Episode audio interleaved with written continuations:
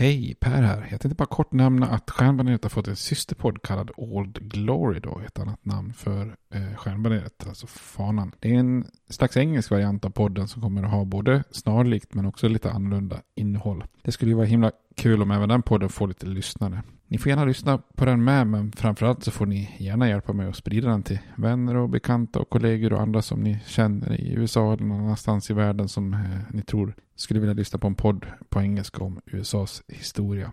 Tack, det var bara det jag ville säga. Nu kommer avsnittet. Hej då! Millions of people have lost weight with personalized plans from Noom. Like Evan, who can't stand salads and still lost 50 pounds.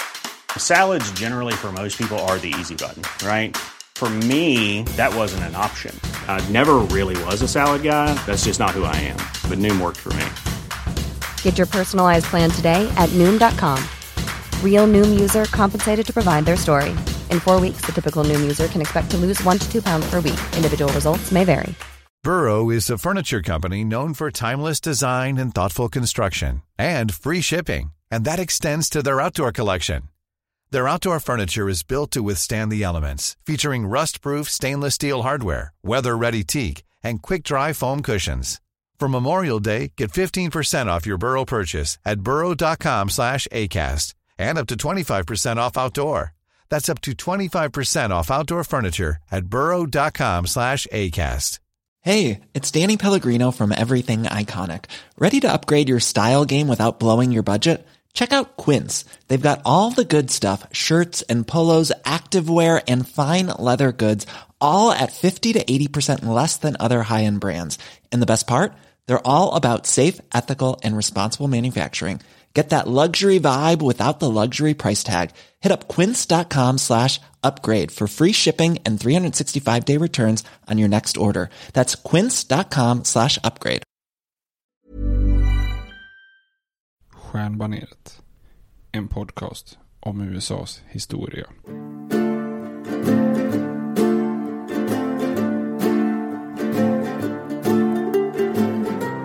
We hold these truths to be self-evident, that all men are created equal, that they are endowed by their Creator with certain unalienable rights, that among these are life, liberty, and the pursuit of happiness. Now we are engaged in a great civil war, testing that government of the people, by the people, for the people, shall not perish from the earth. And so, my fellow Americans, ask not what your country can do for you, ask what you can do for your country. I have a dream. My four little children will one day live in a nation where they will not be judged by the color of their skin, but by the content of their character. Mr. Gorbachev, tear down this wall. I did not have sexual relations with that woman, Miss Lewinsky. Då hälsar vi välkomna till eh, Stjärnbaneret, en podcast om amerikansk historia. Idag är det jag som hälsar välkommen här och det betyder ju att vi då frångår den här översiktsserien och ska ta ett annat ämne. Eh, nämligen Amerikas första krig mot terror. Och det ska bli spännande att höra mer. Med mig har jag ju som vanligt då Per. Hallå. Hur är läget? Hur är det fint? Bara bra. Idag sitter vi hemma hos dig och spelar in. Ja, trevligt. Ja. Nu har inte bryggt kaffe än, men det får vi ta en paus för. Ja, det får vi göra. Mm. Du, innan vi kör igång här, vad tänkte ta en fråga lite nutidskopplad. Vad tycker du om den här senaste Pocahontas-referensen som Trump har gett? ja, ja den, var ju, den var ju spännande. Eh, Historien är alltid aktuell på något sätt. Och vi pratade ju om Pocahontas i eh, det här avsnittet om, om Jamestown, Virginia, tobakskolonierna, som är en av de Ja, första det kvinnorna som gör avtryck i USAs historia då. Och ja, det här seglar ju upp nu eftersom Trump då kallar den här demokratiska senatorn Elizabeth Warren för Pocahontas. Så det är ju egentligen en bakgrund i att hon i någon ansökan har kryssat i att hon har någon form av släktband med ursprungsamerikaner. Och det här ska ju vara, om det, om det nu stämmer så har hon ett väldigt pyttelitet band då i form av, jag tror det var en 32-dels ursprung amerikan då. Och det här blev ju väldigt uppmärksammat i senatsvalet 2012 då. Så att, eh, ja, det är lite spännande här med olika andelar. Har du koll på hur stor polsk-tysk Nej, jag har ju räknat på det där. hur, hur skulle det bli då om, om morfar då är helt tysk? Som ja, man då säger att han var. Och mamma är... Nej, mormor är ju svensk då från Blekinge. Ja, då blir det en fjärdedels man... blekingan ja, och precis. Ja. Ja. Men undrar vad de andra fjärdedelarna får. Helt svensk då. Ja, precis. Ja, ja jag vet det är svårt att räkna. Jag vet att jag, jag, jag borde vara tre fjärdedelar Dalarna, jag känner inte till något annat. Men min mormor var ju från Hälsingland, så det måste bli en fjärdedels Hälsing, Hälsinge, vad heter det? Ja. ja, jag vet inte. Ja, hur som helst. I alla fall när Warren 2006 då under presidentkandidat, eller presidentkan, kan, heter kampanjen, eh, stödde eh, Clinton då, så började ju Trump kalla henne för Pocahontas då. Och han är ju ganska bra på att ge de här nedsättande namnen. Han, det är lite av hans kärnkompetens. Han kallade ju Eh, olika kandidater där. Little Mark och Lying Ted. Ja, low, low, Energy Bush. Och sen i själva, själva valet så sa han ju alltid Crooked Hillary. Och det har han ju fortsatt med nu också här med Kim, eh, vad heter han, Kim Jong-Un här. The Rocket Man eller vad Ja, ja. Little Rocket Man. Little Rocket Man, ja. ja. Och det, Pocahontas det är ju ett namn som vissa redan från början uppfattas som lite ned, nedsättande i, i USA. Då. Och eh, anledningen till att det här seglade upp nu igen då, det var ju att Trump ganska opassande nämnde Warren som Pocahontas mitt under en ceremoni när man hyllade krigshjältar från andra världskriget. Eh, alltså från den här stammen eh, Navajo, eh, som ju, ja det är ju faktiskt en historia som är värt ett eget avsnitt kan man säga. Eh, man använde ju deras språk som, som kod, så som japanerna och tyskarna inte kunde knäcka under andra världskriget då. Ja, just det. Och, det finns ju en film om det. Windtalkers med det är väl Nicolas Cage som på något sätt ska skydda en sån här Navajo-indian ah, med okay. sitt liv då eftersom han kan koden. De, Aha, de okay. är på någon japansk ö och slåss och de behöver liksom för att kunna koda då. Jaha, honom. coolt. Ja. Har du sett, du har sett den? Ja. ja är, den, är den bra? Nah, det är klassisk sån här krigshistoria. okay. Du vet, de är ovänner från början men under kriget okay, här så ja. hjälper de varandra och de liksom är ju i slutet då beredda att offra sitt liv för varandra naturligtvis. Oh, vackert. Ja. Du, du, du, du. ja, precis. Ja, nej men... Eh, men de skulle få pris där då? Eller var det ett ja, hyllningstal? Ja, precis. De, skulle få pris. Så att han står ju då med två stycken från den här stammen då. Eh, och mitt under det här då så, så drar han någonting som, jag vet inte om han själv uppfattar det som en skämt. Men han säger ju så här.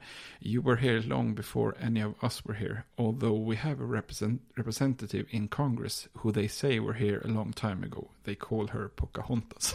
säger, säger han då, alltså mitt under ceremonin. Det är helt galet. Eh, och, och det, ja, det, det, finns ingen hejd på galenheten. För han gör det dessutom under en stor tavla av president Andrew Jackson. Som ju är känd för att eh, ha, hade varit drivande i den här förvisningen av indianstammarna på 1830-talet. Det som brukar kallas för Trail of Tears. Och, oh. Som han och hans efterträdare Van Buren liksom verkställde som kostade många, många liv. Så att, ja, historien är alltid aktuell eh, faktiskt. Eh, vi har ju också här, fått en hel del eh, beröm och, och funderingar kring det här, vårt intro och outro på, på podcasten. Mm. Jag tycker ja. nästan det är bäst med hela podden. Jag har lite svårt fortfarande att höra min egen röst. Så. Jag lyssnar gärna på dig, men sen när jag lyssnar på mig själv så blir jag ja, lite knäckt ibland. Men man vänjer sig. Men det bästa tycker jag nästan är då introt framför allt. Ja, ja. och vi får ju, det är ju Björn Fjärdemyr som har skapat själva låten, så att säga. Den är ju väldigt trevlig. Eh, och bra. Eh, och sen blir det lite stämning och de historiska citaten vi har lagt på. Dem. Men vi har ju fått lite frågor om vilka röster och citat det är vi hör. Så jag tänkte att vi kanske ska bara gå igenom eh, introt nu, och, som man nyss kanske har lyssnat på. Och sen så kan vi gå igenom slutet sen på, på outrot då. Ja. Och det första citatet som man hörde är ju ord från självständighetsförklaringen då. Som ja, många säger att den är skriven av Thomas Jefferson. Det är inte riktigt helt korrekt. Han skrev ett utkast i en liten femmannakommitté. Och sen så drog man, gjorde man vissa ändringar. Och sen så debatterade man den och gjorde ytterligare ändringar. Men han har i alla fall beskrivit liksom kärnan i eh, självständighetsförklaringen då. Och det är de här bevingade orden med all men are created equal och så vidare. Mm. Men det kan ju inte ha spelats in då. Det här måste ju någon ha läst upp efteråt. här är, nej, nej, precis. Och eh, faktiskt den som läser upp det här är ju eh, John F. Kennedy faktiskt. Jaha, man, man, man kan nästan höra hans röst. Han ju igen min sen. favoritpresident här. Precis, Ja. han, han kom, hans röst kommer senare. Men det är faktiskt hans, man hör det faktiskt på hans den här Massachusetts-dialekten Ja, där. ja. Faktiskt.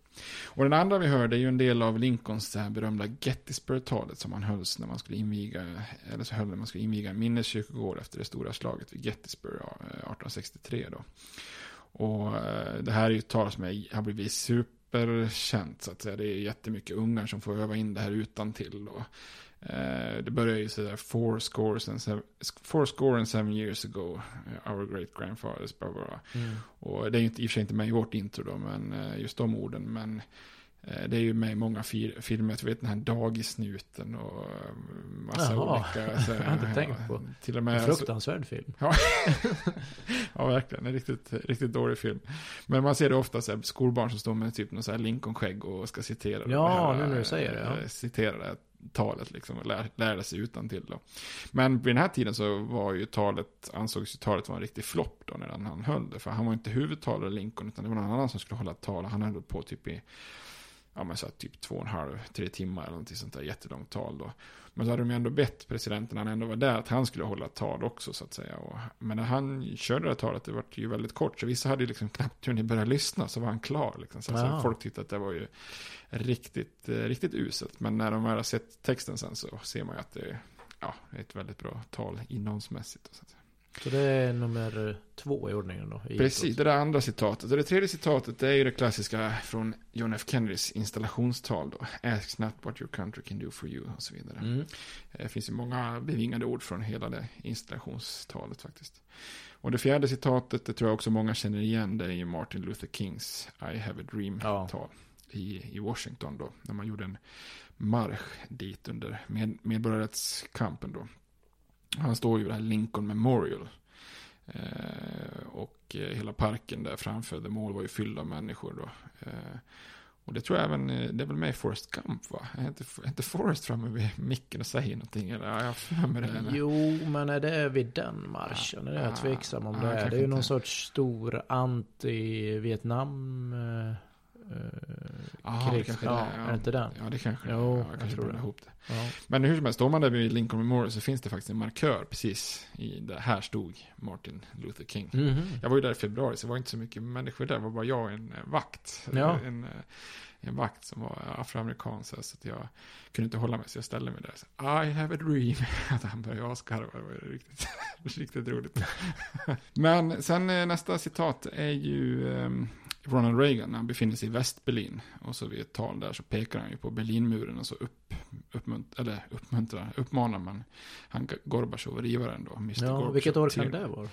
Oj, vilket år är det? Muren rivs väl 89 Ja, eller? precis. Alltså, han, det är ju, Men det här vi- måste ju vara tidigare då. måste ju vara mitten av 80-talet eller början Ja. av 80-talet i alla fall. Då. Det är ju ett tydligt budskap i alla fall. Det är Ja. inte så inlindat liksom. Nej. Mr. Gorbachev, tear down this wall. Ja.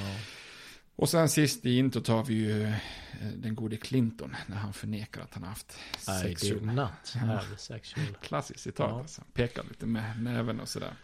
Eh, lite Monica Lewinsky då. Lite som, lite som vår kung. Han, fast han är ju mer luddig. Så. Ja. ja. Var du på strippklubb? Nej. Nej, det tror jag inte. Nej, inte ska du koppla ihop Clinton med vår kung tycker jag. Alltså, du tycker det var härligt? Nej. Ja. ja. ja, Clinton tycker jag är bättre på att förneka. Han Ja. är tydlig. Men det är de citaten vi har i introt då. Precis. Ja. Passar ju väldigt bra till musiken på något sätt. Jag tycker det känns väldigt proffsigt gjort. Både låten då från Björn och citaten. Som du har klippt in antar jag. Ja, precis. Ja. Ja. Nej, men det, den sätter stämningen tycker jag. Ja, Vi verkligen. hoppas att vi får leva, eller vi, vi hoppas att vi lever upp till, till mellan intron och utron också. Ja, snart tror jag vi gör det. Vi blir Ja. ju bättre och bättre tycker Ja. jag.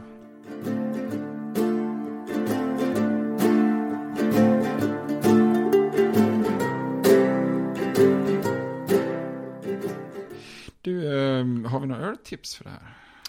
Du, berätta igen nu så titt- äh, tittarna, lyssnarna vet vad det kommer handla om. Det är ju, Det kommer vara USAs första krig mot terrorn. Som Ja. faktiskt också är USAs första krig som självständig nation. ja precis. Så det är för, tidigt 1800-tal.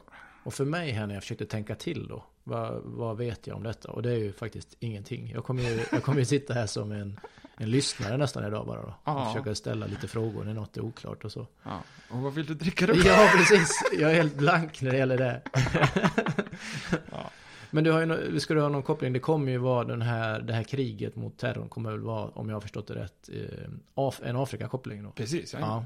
Har du, har du, du har ju varit överallt i USA känns det som, eller i alla fall eh, östkusten. Men har du varit i Afrika? Ja, vad gjorde jag också? Har du det? ja, jag har varit i Marocko Egypten. Ja, det har det. Ja, du vi kommer att prata om Marocko faktiskt. Ja, det kommer. Ja, ja i och för sig, det är, det, det är ju inte direkt något, det är ju inte dit man åker för att dricka kvalitetsöl. Nej, jag var ju jag var i Rwanda.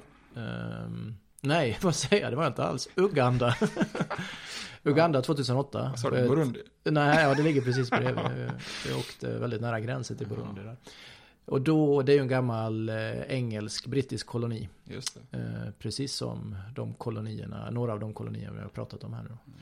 Eh, så det fanns ju en del brittisk öl, alltså i typen, men det var ingen höjdare vad jag kan komma ihåg. Nej, okej. Vi, vi, vi rekommenderar Shabby Pale Ale bara. Ja, så, har vi inte gjort det flera gånger? Jo, jag tror det. Jag kommer tillbaka Nej, vi måste skärpa oss med det. Men här har jag faktiskt ingen referens. Men jag tror, då, då kom du hem och så fick man en liten påse med sprit. Ja, de sålde, de sålde sprit på påse helt Ja. enkelt. In, inplastad. Ja, det ska vi inte rekommendera. Nej, nej, nej. Det var fruktansvärt.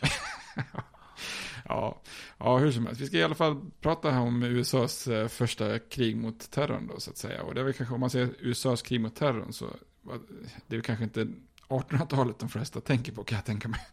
Utan eh, det är väl snarare nutid man tänker på då. Ja, jag tänker på kriget mot Afghanistan eller Irak och man tänker på Al-Qaida och bin Laden, alltså mycket nutidshistoria då. Och jag brukar tänka på det här eh, sketchen i Hipp Hipp, när han, reportern Morgan Paulsson går runt med Mm. ett eh, bin Laden-skägg på en liten pinne som man kan titta på. när han letar personer. efter. Precis, Ja. det var ju innan de hittade, Ja, just det. eh, innan de hittade bin Laden. Så det var, det var tur de hittade han så man slipper gå runt med en sån här pinne och, och leta. Ja. Fantastiskt bra manöver tycker jag av honom som utrikesreporter. Men han var, det, Morgan Paulsson hette han så? Ja, jag tror det. Ja. Ja, och det var först bara en del i, det var en sketch, men sen fick han väl en hel egen film. Precis, liksom. precis. Ja, de är ju det, fan- vem tillät det? det var, jag, var inte det riktigt dåligt? Jag tror inte jag har sett den. Nej, jag tror inte heller jag har sett den. Men just Hipp Hipp var ju fantastiskt. Ja. De korta sketcherna. Vilken är din favoritkaraktär? I Hipp Hipp? Ja. Kajan tror jag. Kaj, ja, Ja, det det han spelar innebandy, det tycker jag är roligt. ja just det. Just det. Ja. Han blir lite arg. Ja, ja, visst. Ja, han gillar ju han, eh, vad heter han, Higgins? Eller Tim Higgins? Ja, han som har- Språk- språkläraren. språkläraren. Ja, På riktigt. ja, det är fantastiskt. Men nu kom du ur Ja, spår igen. Ja, precis. Ja, bra, komma tack. tillbaka Ja. Men eh, så det här med krig mot terror då i islamska stater och med inslag liksom att försöka byta ut regimer och bombningar och sånt där. Det är egentligen ingenting eh, nytt i amerikansk historia. För det här kriget är ju egentligen USAs första krig som självständig nation då. Eh, om man nu bortser från frihetskriget då, när man blev en nation då. Ja, det var därför jag var så osäker i början här nu. Om man skulle räkna hur långt vi hade kommit i tiden. Om det här då USA bildats. Eller om det är då kolonierna. Och att det då med England blir krig mot terror. Men det är USA här. Då. Ja, precis. Det, Ja. är- det är efter självständigheten då. Och sen efter självständigheten har man ju något, något, som brukar kallas för kvasikriget mot Frankrike. Det var lite båtar som sköt på varandra, men det var ingen officiell krigsförklaring. Så när det här kriget då som, som utspelar sig 1801 till 1805 inträffar, så, så är det ju egentligen då inte bara första kriget mot terrorn, utan det är egentligen USAs första krig som, som nation. Då. Mm. Vilka är det man krigar mot här då? Vi sa ju Afrika som kontinent. Men är det, finns det länder vid den här tiden? Eller vilka länder finns? Och hur ser det ut? Ja, alltså i Nordafrika vid den här tiden så finns det ett antal muslimska, man kan kalla det som stadsstater, liksom, fast som de italienska då. Och från väst till öst, så de som kommer, vi kommer att prata om här nu, det är Marocko då, eh, Alger, alltså som, som i staden Alger, som Mm. ligger i dagens Algeriet. Eh, Tunis, eh, som ligger i dagens Tunisien. Och så Tripoli som var en stat då, alltså dagens Libyen. Och på engelska så brukar man kalla de här för the Barbary States, alltså barbarstaterna. Och jag har också sett att på svenska, man söker på vissa ställen så står det barbareskstaterna. Jag har inte riktigt Mhm. fattat det, det ordet. Det är väl också en koppling då till de här Ja, inte, inte italienska men romerska stadsstaterna och Rom som rike. De kallar väl alla språk förutom latin för barbariska språk. Va? Ja, precis. Och jag tänker när det gäller Rom där också. Det finns ju en stadsstat som de slogs mot ofta. Ja, du tänker på Kartago. Ja, precis. det- det är Vad hette han som avslutade sina tal med? Ja, det är nog... Var det Kato Cato? hette han. Ja. Ja. jag tror att det är Cato, Cato den äldre, va? Eller det finns Ja. två Cato. Ja. Det är ju inte riktigt min starka gebit. Men någon av... Cato hette han i alla fall. Ja, För- vad, för vad man än pratade om så avslutade han med Ja, för övrigt? anser jag att Kartago bör förstöras. Ja, ja. ja. ja, det borde vi kanske lägga in då. I, Ja. som en hyllning. Nej, men de här länderna i alla fall vid den här tiden så, så ägnar ju de sig åt att eh, anfalla andra länders skepp då. Dels ta själva skeppen och lasten och sen så förslavar man i besättningen. Medelhavet. Ja, i Medelhavet. Ja. Ja. Och så förslavar man besättningen då. Och de länderna som drabbas då, de tvingas ju på något vis då välja mellan att, eh, ja, ändå får man ju gå i krig då eh, med de här staterna för, för rätten att bedriva handel i Medelhavet. Eh, och det är ju såklart jäkligt dyrt och i värsta fall kortsiktigt då. Eh, och den andra lösningen då som är det vanliga, det är att man betalar tribut till de här länderna då. Alltså, eh, så att de låter bli skeppen. Alltså det kan ha stora, stora summor då, fast ändå billigare kanske än krig då. Och tribut blir liksom en finare ord för utpressning då. Alltså man köper sig tillfällig säkerhet. Det känns lite grann som att betala maffia för skydd eller någonting i den stilen då. Mm. Eh, och eh, då måste du oavsett om, om du vill eller inte då. Och problemet för de riktigt små länderna det är ju att man kanske inte då har råd att varken kriga eller eh, betala då. Och kan man inte lösa något av de här alternativen då får man ju chansa att segla i Medelhavet i alla fall och hålla tummarna. Men förr eller senare så blir ju oftast då något av ens fartyg då kapat. Och det kallas ju för kapare och då kan man säga skillnad, vad är skillnaden mellan pirater och, och, och kapare då? Men, men kapare har ju formellt på något vis tillåtelse från sin stat att anfalla skepp från andra stater som man befinner sig i krig med. Eh, pirater är ju mer alltså osanktionerat kapande, alltså att man inte har tillåtelse från, stab, från staten eller att man inte formellt är i krig med det landet vars skepp man kapar då så att säga. Men oftast blir det lite en gråzon då. Ja, och inte sällan så börjar ju kanske många som kapar i krig och sen när det blir fred så, så fortsätter man och då, då egentligen glider man ju över och blir en ren, ren och skär pirat då. Men de här staterna har ju gett många tillåtelse då att, eh, att kapa skepp då. Så även om man inte befinner sig i krig med något land så ägnar de sig åt att kapa skepp då. Och i slutet av 1700-talet och början av 1800-talet som vi kommer att prata om nu så har de ju tappat lite av sin forna makt på Medelhavet. Men de kan fortfarande ställa till med ganska stora bekymmer för, för mindre stater och deras skepp, skepp om de inte betalar då. Och de större länderna de väljer oftast att betala eh, och kanske ibland också slå tillbaka med, med sina kraftigare flottor. Då. Men mindre länder som inte har varken pengar eller flottresurser för att skydda skeppen de kan ju råka illa till då. Så det är väldigt riskfyllt att bedriva handel i, i Medelhavet. Och ta sin besättning till, till, till, till fånga då, så får man ju betala väldigt dyrt. Eller också får man offra dem så får de bli slavar. Mm. Så att säga. Och de, största, de större länderna, de mäktiga, Storbritannien och Frankrike, och så här, de kan ju också använda det här systemet. För de har inga problem att betala tribut till de här länderna för att skydda sin kommersiella flotta. då. Men samtidigt som man då kanske kan bli av med konkurrens från mindre länder som italienska stä- städer eller länder som Danmark och Sverige. Då. Så att Mm. istället för att slå sönder de här flottorna så är det bättre att betala dem och låta dem... Det Eh, blir som nästan som någon sorts legosoldat då kan man säga. ja, precis. Det, så kan man säga. Indirekt alltså. Mm. Hur kommer USA in här då? Hur har USA mycket handel in just i Medelhavet eller? Över Atlanten förstår man ju, men ändå in i Medelhavet. Ja, det har man faktiskt. Man säljer i väldigt mycket Eh, mjöl, fisk och, timmer och sånt där till hamnar i Medelhavet. Så att man har en ganska rejäl eh, handel på, på södra Europa. Och så länge USA tillhör det brittiska imperiet då, så då har ju amerikanska skepp varit liksom skyddade. För då har man ju seglat under den brittiska flaggan då, eh, Union Jack. Men eh, när man blir självständigt så får man ju börja flagga då eh, stjärnbaneret på skeppet. Och, och då får, blir man liksom lämnade till att fäkta för sig själva då. Och då blir ju amerikanska skepp ganska enkla byten för den här kaparverksamheten. Eh, I Storbritannien är man ju nöjd över det här för man, man tror inte att amerikanska skepp ska våga konkurrera eh, i, med handel i Medelhavet. Eh, eftersom ingen större nation kommer liksom att frivilligt skydda amerikanska skepp då från de här kaparna. Så det blir ganska omgående ett, ett problem då efter självständigheten eh, för USA. Eh, redan 1784 så, så fångar Marocko ett amerikanskt skepp. Men de är ändå ganska vid den tiden snälla och de förstavar inte besättningen då. Utan istället lyckas USA skriva ett slags freds och handelsavtal med Marocko två år senare. Och en sak som antagligen spelar in då är att mar marockanska ledaren är väldigt eh, oförtjust i britterna då. Och det här avtalet är lite speciellt för det existerar faktiskt fortfarande. Så det är det äldsta avtalet i USAs diplomatiska historia som, som fortfarande existerar och Mhm. är verksamt då. Har du något namn eller? Nej. Eh, ja, det heter något sånt där. eh, American Moroccan, någonting Okej. sådär. eh, Så. Men man kan också säga som en liten parentes då att ett av de allra första avtalen som USA gör som självständig nation är faktiskt med Sverige också. Jaha. Eh, Och det avtalet kallas för det svenska-amerikanska vänskaps och handelstraktaten. Mhm. Eh, vilket då skrivs under mitt under frihetskriget faktiskt i, i april 18, eller 1783 då. Så undertecknas av Benjamin Franklin som ju är en kändis i amerikansk historia. Eh, som var sen, amerikansk sändebud i Paris då under kriget. Och, eh, och sen den andra som skriver på är den svenska ambassadören Gustav Philip Kreutz då. Så eh, första avtalet som USA faktiskt tecknar med ett land som inte var direkt involverad i kriget. De har ju avtal med Frankrike och Holland redan. Men det, de är ju liksom en del av kriget då. Så den första neutrala nationen som erkänner USA är faktiskt eh, Sverige. Jag har för mig att Obama faktiskt uppmärksammade det. Det var någon president som uppmärksammade det i något utbyte med Sverige i alla fall tror jag. Okej. Okay.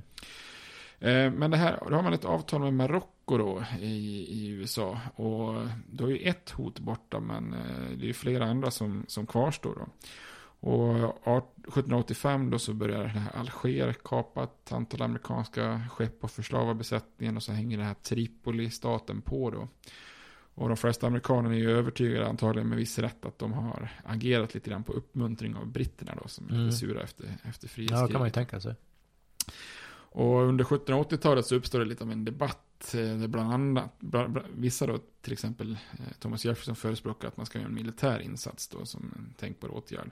Medan andra, till exempel John Adams som är landets andra president, han menar att det är betydligt billigare och smartare att betala de här staterna för skydd då, eh, än ett krig. Men den här debatten är lite underlig för USA på 1780-talet styrs ju av det som kallas för den kontinentala kongressen under den första konstitutionen som man har, konfederationsartiklarna. Och då har man ju varken flotta eller pengar egentligen från federalt håll. Så att de kan ju liksom varken betala tribut eller, eller gå i krig då. Nej. Eh, så att man är ju lite låst där, utan man får ju liksom bara chansa på handen ändå då.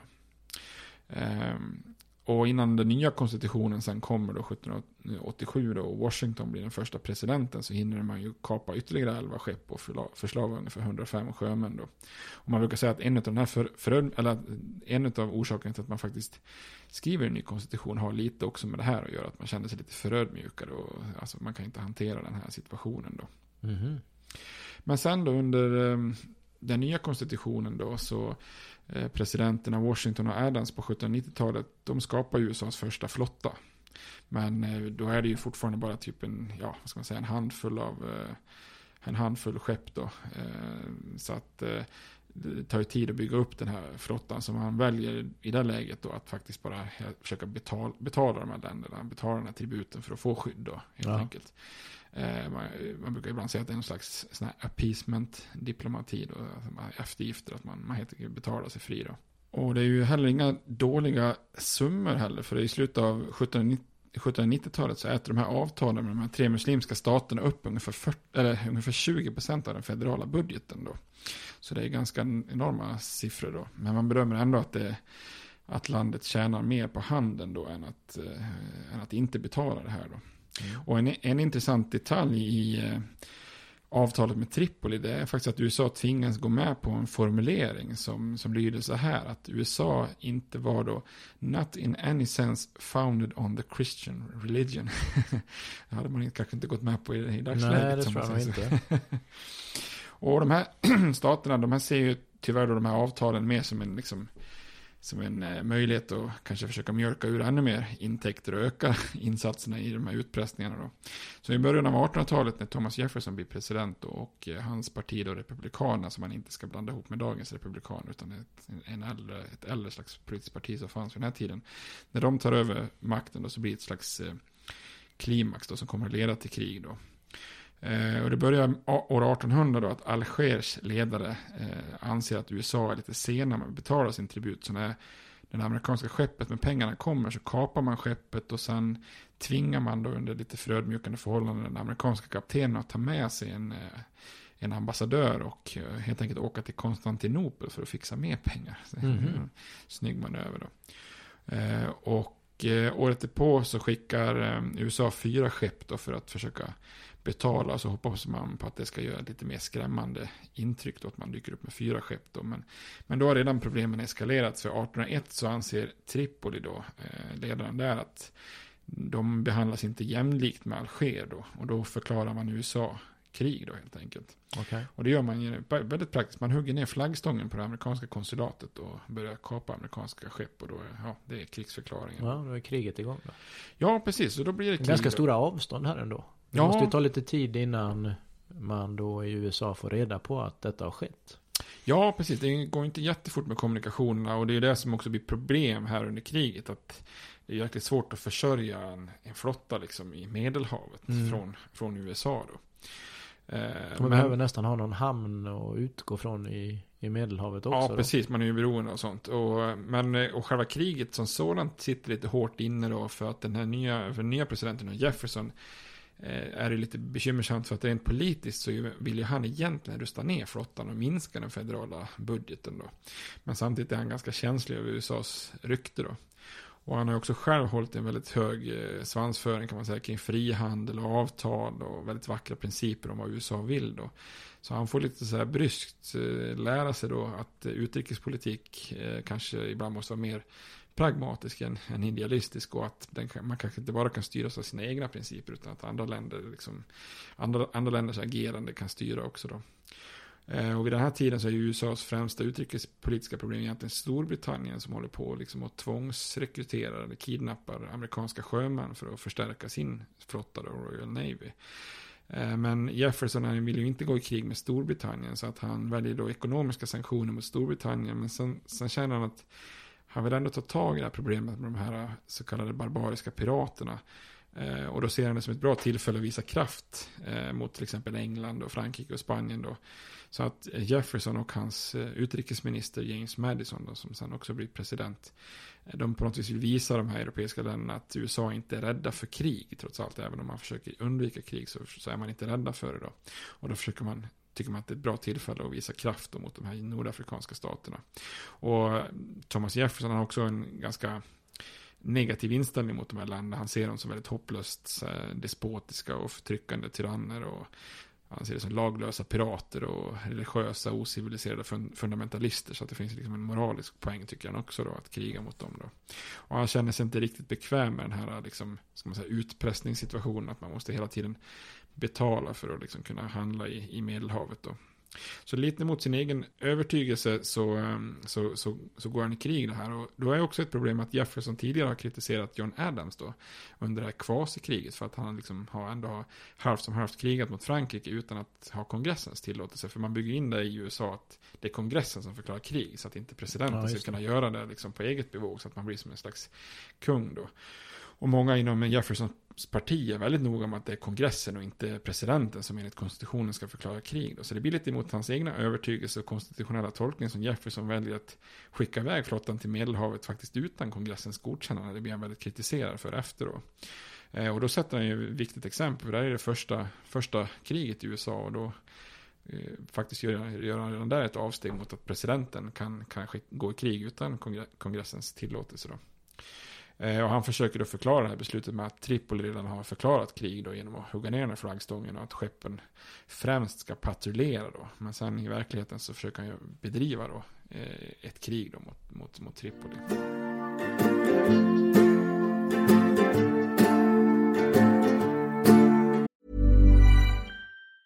Everyone knows therapy is great for solving problems, but getting therapy has its own problems too. Like finding the right therapist, fitting into their schedule, and of course, the cost. Well, BetterHelp can solve those problems. It's totally online and built around your schedule. It's surprisingly affordable too. Connect with a credentialed therapist by phone, video, or online chat, all from the comfort of your home. Visit betterhelp.com to learn more and save 10% on your first month. That's BetterHelp, H E L P. Burrow's Furniture is built for the way you live. From ensuring easy assembly and disassembly to honoring highly requested new colors for their award-winning seating, they always have their customers in mind. Their modular seating is made out of durable materials to last and grow with you. And with Burrow, you always get fast, free shipping. Get up to 60% off during Burrow's Memorial Day sale at burrow.com slash ACAST. That's burrow.com slash ACAST. burrow.com slash ACAST.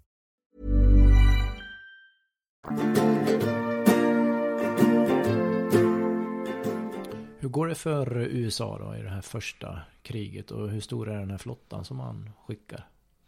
Ja, det är ju det är en väldigt liten flotta och det gör ju också att det är svårt att bedriva det här kriget. Så det, det var ju mellan 1801 och 1805 då.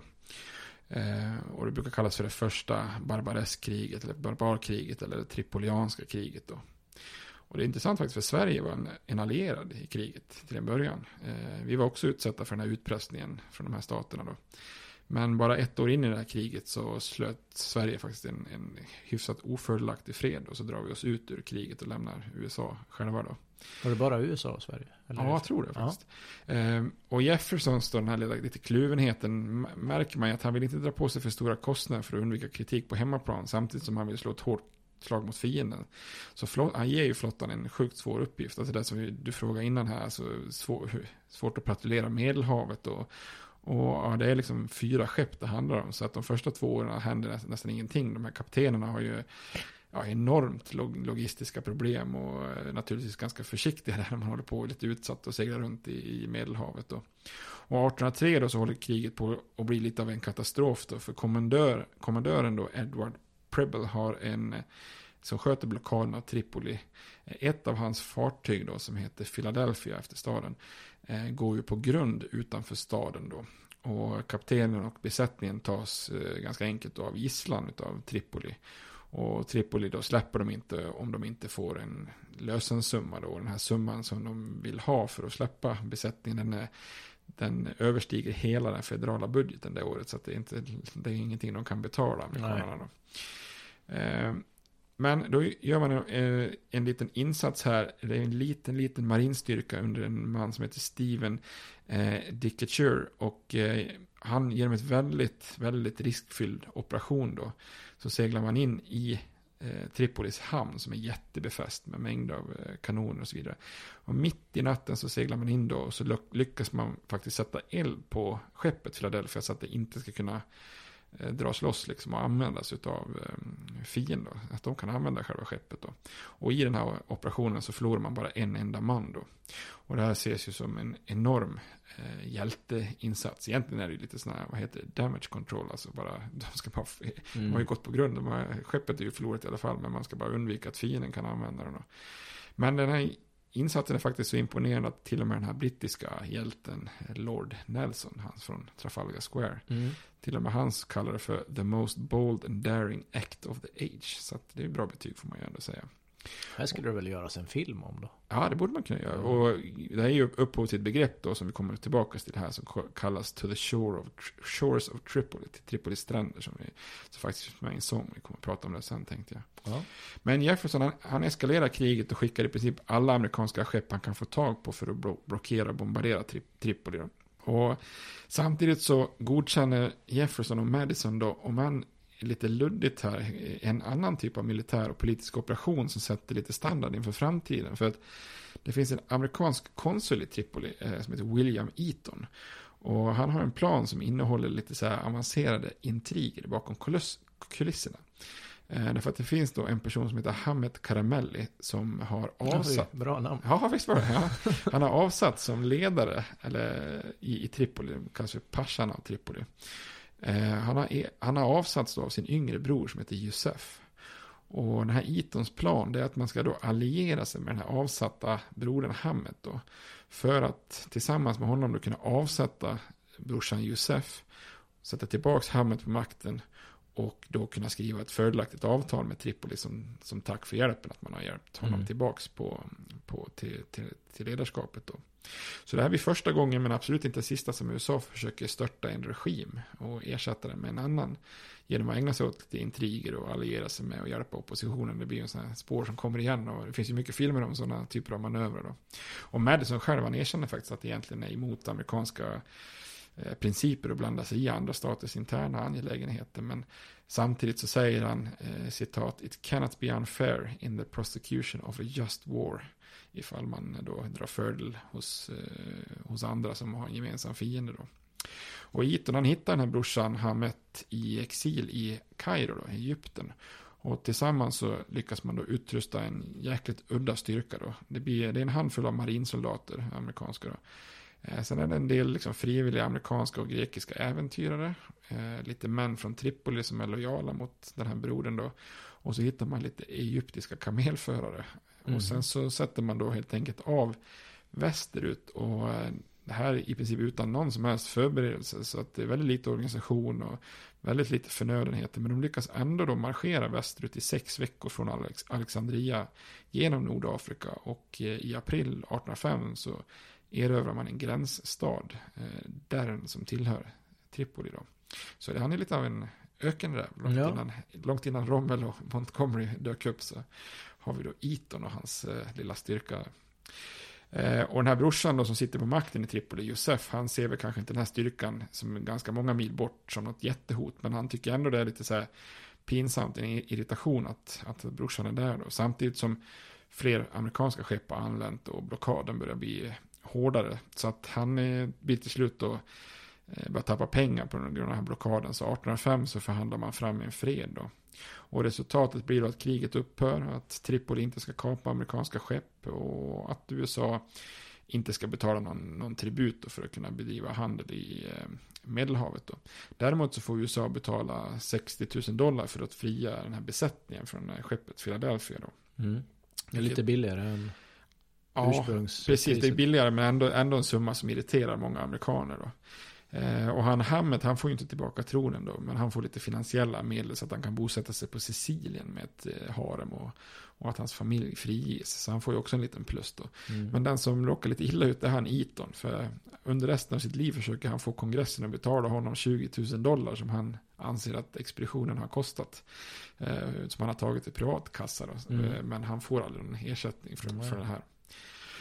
Så det är många som kritiserar den här freden och tycker att det är en skandal att USA ska behöva betala för Island. Och eh, speciellt Eton, han är ju upprörd för han ansåg ju att hans operation inte var klar. Han hade kunnat marscherat vidare, säger han och fått en ännu bättre fred på plats då. Men ja, det är väl andra som gör bedömningen att det inte är så säk säkert troligt att man kan kunnat vunnit någon, någon större militär seger. Så att, och kriget kostar kanske typ en miljon dollar om året. Så att det är bättre att få freden att kriga vidare på något sätt. Då. Men då kan man säga att kriget är slut där då? USAs första krig mot terrorn är slut. Men eh, upphör alla de här kapningarna och eh, piraterna som, som tar över skepp och plundrar? Ja, faktiskt bara kortsiktigt för att den här kommendören då som, som eh, förbefäl över den amerikanska flottan, han får ju fram liknande avtal med, även med Alger och Tunis då. Eh, så USA blir ju då för en kort stund den enda handelsnationen vars skepp faktiskt får segla i Medelhavet ostörda utan att behöva betala tribut och sånt där. Så Jefferson är ju väldigt nöjd med det resultatet då. Eh, medan de här europeiska makterna är kanske lite mer cyniska då. Och försöker bagatellisera den amerikanska segern och menar att de här staterna kommer ju antagligen att skita i avtalen förr eller senare. Och det får de ju faktiskt helt rätt i också.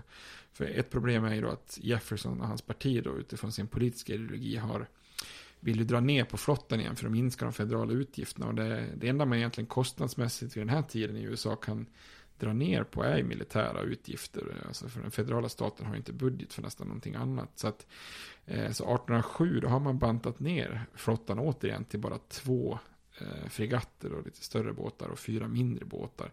Och så vill Jefferson satsa på små, små, små, små kanonbåtar som ska vara kustskydd. Problemet med dem är att de kan ju inte åka till Medelhavet så att man ju, har ju ingen liksom, stor flotta att dra dit. Då.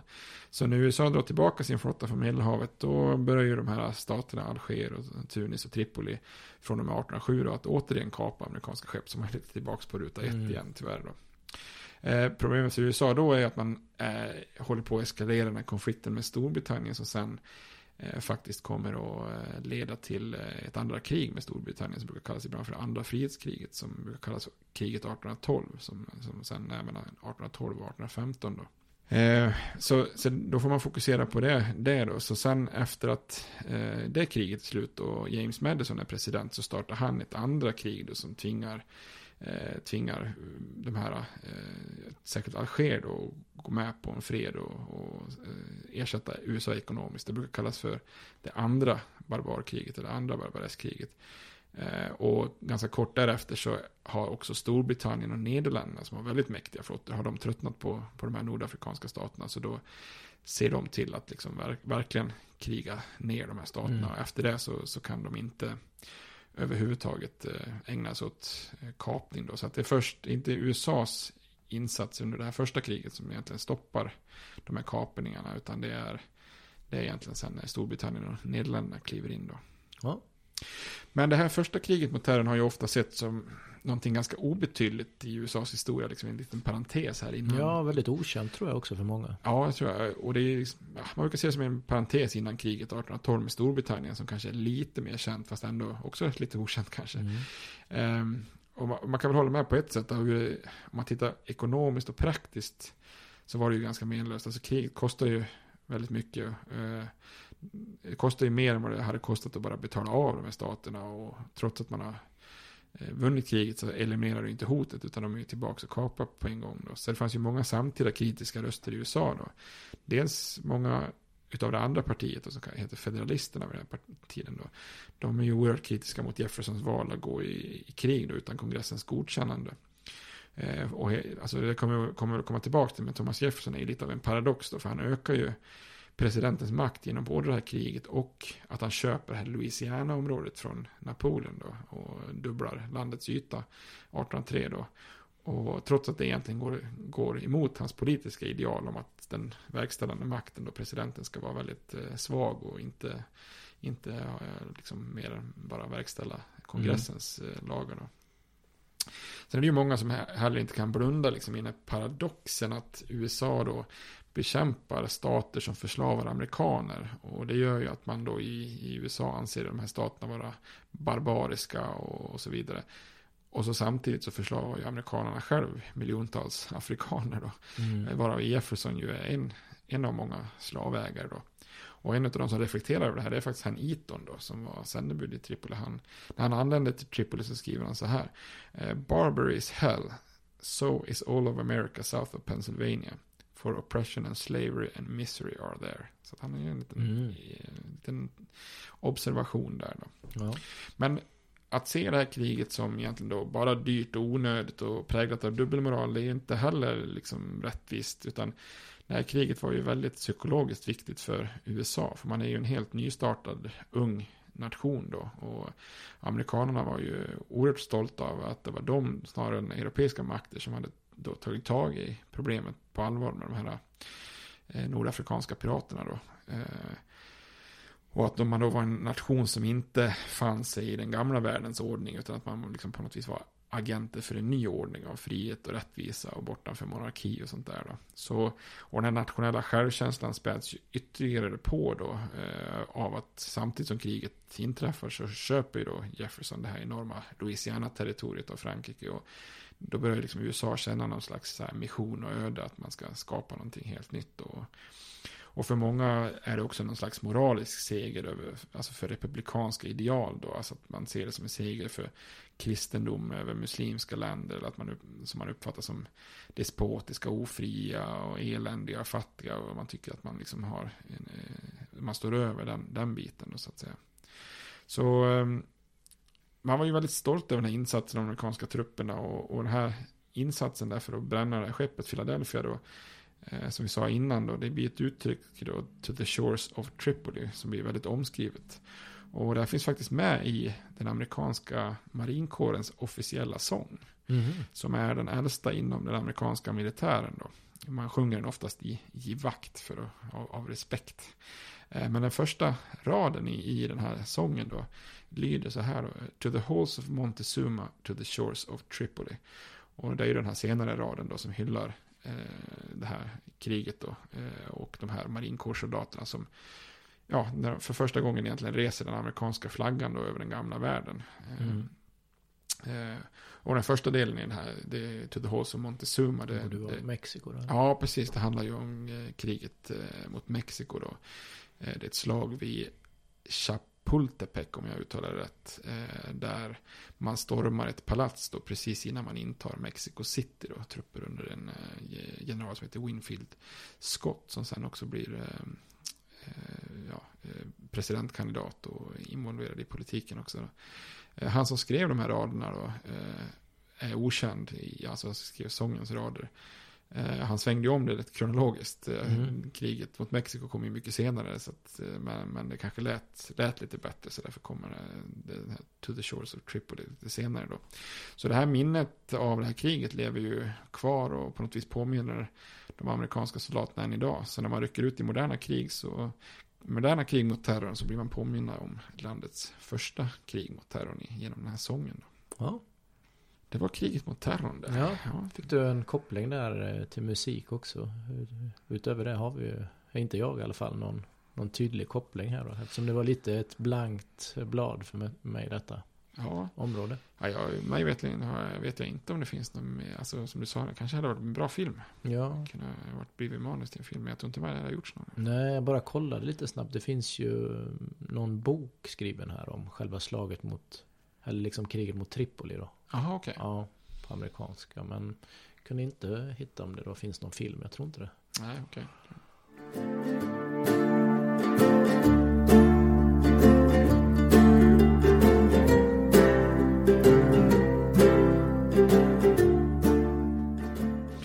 Vi sa ju också att vi skulle förklara um, citaten i Ja, det här blir spännande. Jag lyssnar sällan på Ja, precis. Man kanske stänger av. eller ja. outrot. Utan ja, ja. det är ju introt som jag lyssnar på. Men ta oss igenom. Hur många citat är det? Det är fyra stycken i, i avslutningen här. Och eh, det första som dyker upp det är ju faktiskt George W. Bush. Mm. George Walker Bush heter han ju. Från mm. från pappan Herbert Bush. Ja, det. Eh, och det är han som talar om, just om kriget mot terrorn. Så det är ju en kop- eller moderna kriget mot terrorn här då. Det är ju det han kallar för vissa länder för Axis of Evil. Mm. Eh, ondskans axelmakter. Och det är ju en slags referens till egentligen till axelmakterna under andra världskriget. Eh, och han eh, vart ju, efter det här talet så vart han ju väldigt, lite anklagad för att vara väldigt populistisk då. Eh, alltså han räknar ju upp då eh, till exempel Nordkorea då, utöver Iran och Irak, vilket många då säger att man Alltså att han bara adderade Nordkorea för att det inte skulle uppfattas som att kriget mot terrorn enbart var en krig mot muslimska länder. Då. Mm. -hmm. Där, därför la han med Nordkorea då. Men ja, det har jag ingen aning om. Nordkorea har ju ändå seglat upp som ett problem på senare år. Ja, det är väl hög, högaktuellt. Ja, precis. Då, det finns ju en fantastisk, eh, den har du ju sett också, sketch Ja, det är min favoritkomiker nästan då, amerikanska. Ja, Will Ferrell. Ja. ja. Och den är ju fantastisk där han sitter och härmar George W och räknar upp det. Ja, han lägger till fler och fler. ja, både personer och han lägger till ekonomin ja, också. Precis. Ja, ekonomin tycker han är dålig. Så han, they are now part of the axis of evil. Ja, är ju redan det första gör han ju Iran, Iraq, And one of the Koreas. Ja, precis.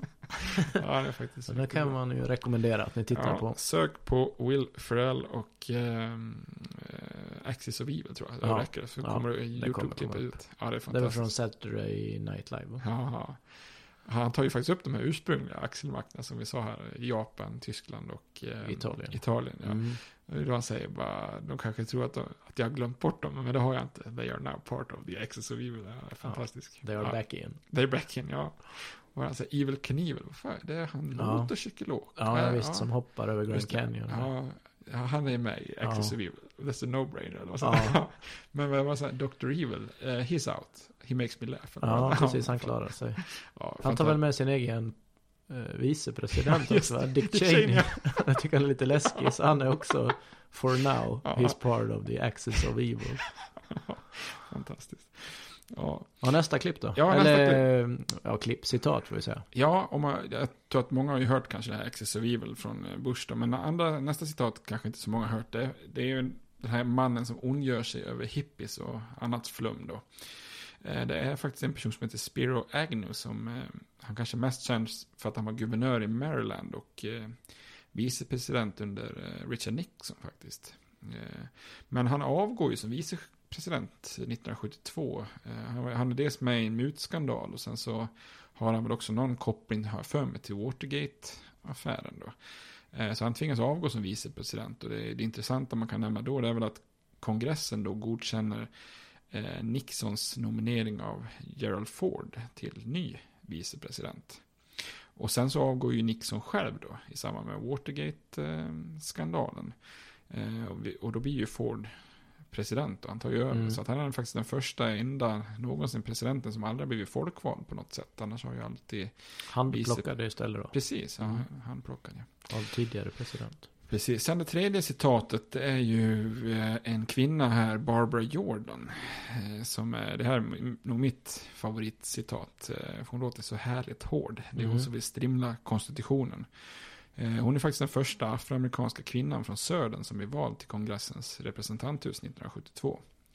Eh, hon var faktiskt till och med med i diskussionen om att eventuellt kunna bli Demokraternas vicepresidentkandidat när Jimmy Carter ställer upp i presidentvalet då. Men hon valdes bort för någon annan då. Eh, och hon är den första afroamerikanska kvinnan någonsin att hålla ett tal, ett av de viktigare talen på Demokraternas konvent 1976, då så kallad keynote speech. Eh, men det här citatet kommer ifrån de debatter man hade ifall man skulle ställa Nixon inför riksrätt. Alltså det, senaten dömer ju om det blir riksrätt, men mm. eh, eh, representanthusets kammare i kongressen ska ju väcka åtalet eller bestämma att man, man väcker åtalet. Och hon tycker ju med all tydlighet att tolkar man konstitutionen rätt så borde, borde man ju ställa Nixon inför åtalet. Annars mm. tycker hon att man ska köra konstitutionen i en pappersstrimlare. Så att, eh, ja. ja. bra citat då. Och det sista citatet är faktiskt Nixon själv då. För han ställs ju inte inför riksrätt utan han, han avgår ju efter Watergate-skandalen. Så att eh, det sista citatet är när han meddelar sin, eh, sin avgång. Ja. Bra, men då har vi Fick vi det förklarat. Ja, precis. Viktig person brukar vi ta va? Eller avsnittets person. Precis, ja. Eh, ja, frågan är vem vi ska ta idag. Jefferson nämns ju mycket, men vi har ju inte pratat så mycket om honom som person kanske. Nej, precis. Vi kommer väl att komma tillbaka till honom antar jag många, många gånger. Så att, eh, ja, jag vet inte, man kanske ska Så ta... nämnde du ju han Caramelli. Caramelli? men han var bara, ja, han var bara en, ja. en liten biroll här. Ja, vi kanske men... ska ta den här, hela den här ökenexpeditionen. Med Eton och, Eton, ja. Eton och Caramelli och deras eh, eh, kamelförare och ja. handplockade soldater. De får vara profiler för årets, Ja, det kan det få vara. Eller för avsnittet helt enkelt. Ja, men vad bra. Bra. Men, eh, då säger vi så. Det gör vi. får ni ha det bra. Tack så mycket. Tack, hej. States like these and their terrorist allies constitute an axis of evil. And if the hippies and the yippies and the disruptors of the systems that Washington and Lincoln as presidents brought forth in this country will shut up and work within our free system of government, I will lower my voice. If the impeachment provision in the Constitution of the United States will not reach the offenses charged here, then perhaps that 18th century Constitution should be abandoned to a 20th century paper shredder. Therefore, I shall resign the presidency effective at noon tomorrow.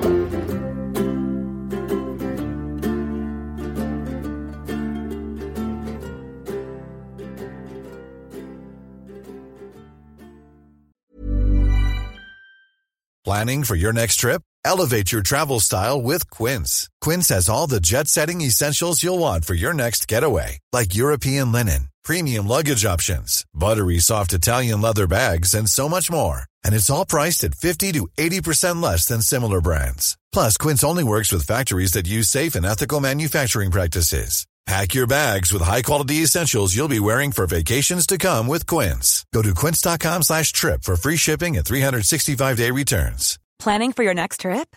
Elevate your travel style with Quince. Quince has all the jet-setting essentials you'll want for your next getaway, like European linen, premium luggage options, buttery soft Italian leather bags, and so much more. And is all priced at 50 to 80% less than similar brands. Plus, Quince only works with factories that use safe and ethical manufacturing practices. Pack your bags with high-quality essentials you'll be wearing for vacations to come with Quince. Go to quince.com slash pack for free shipping and 365-day returns.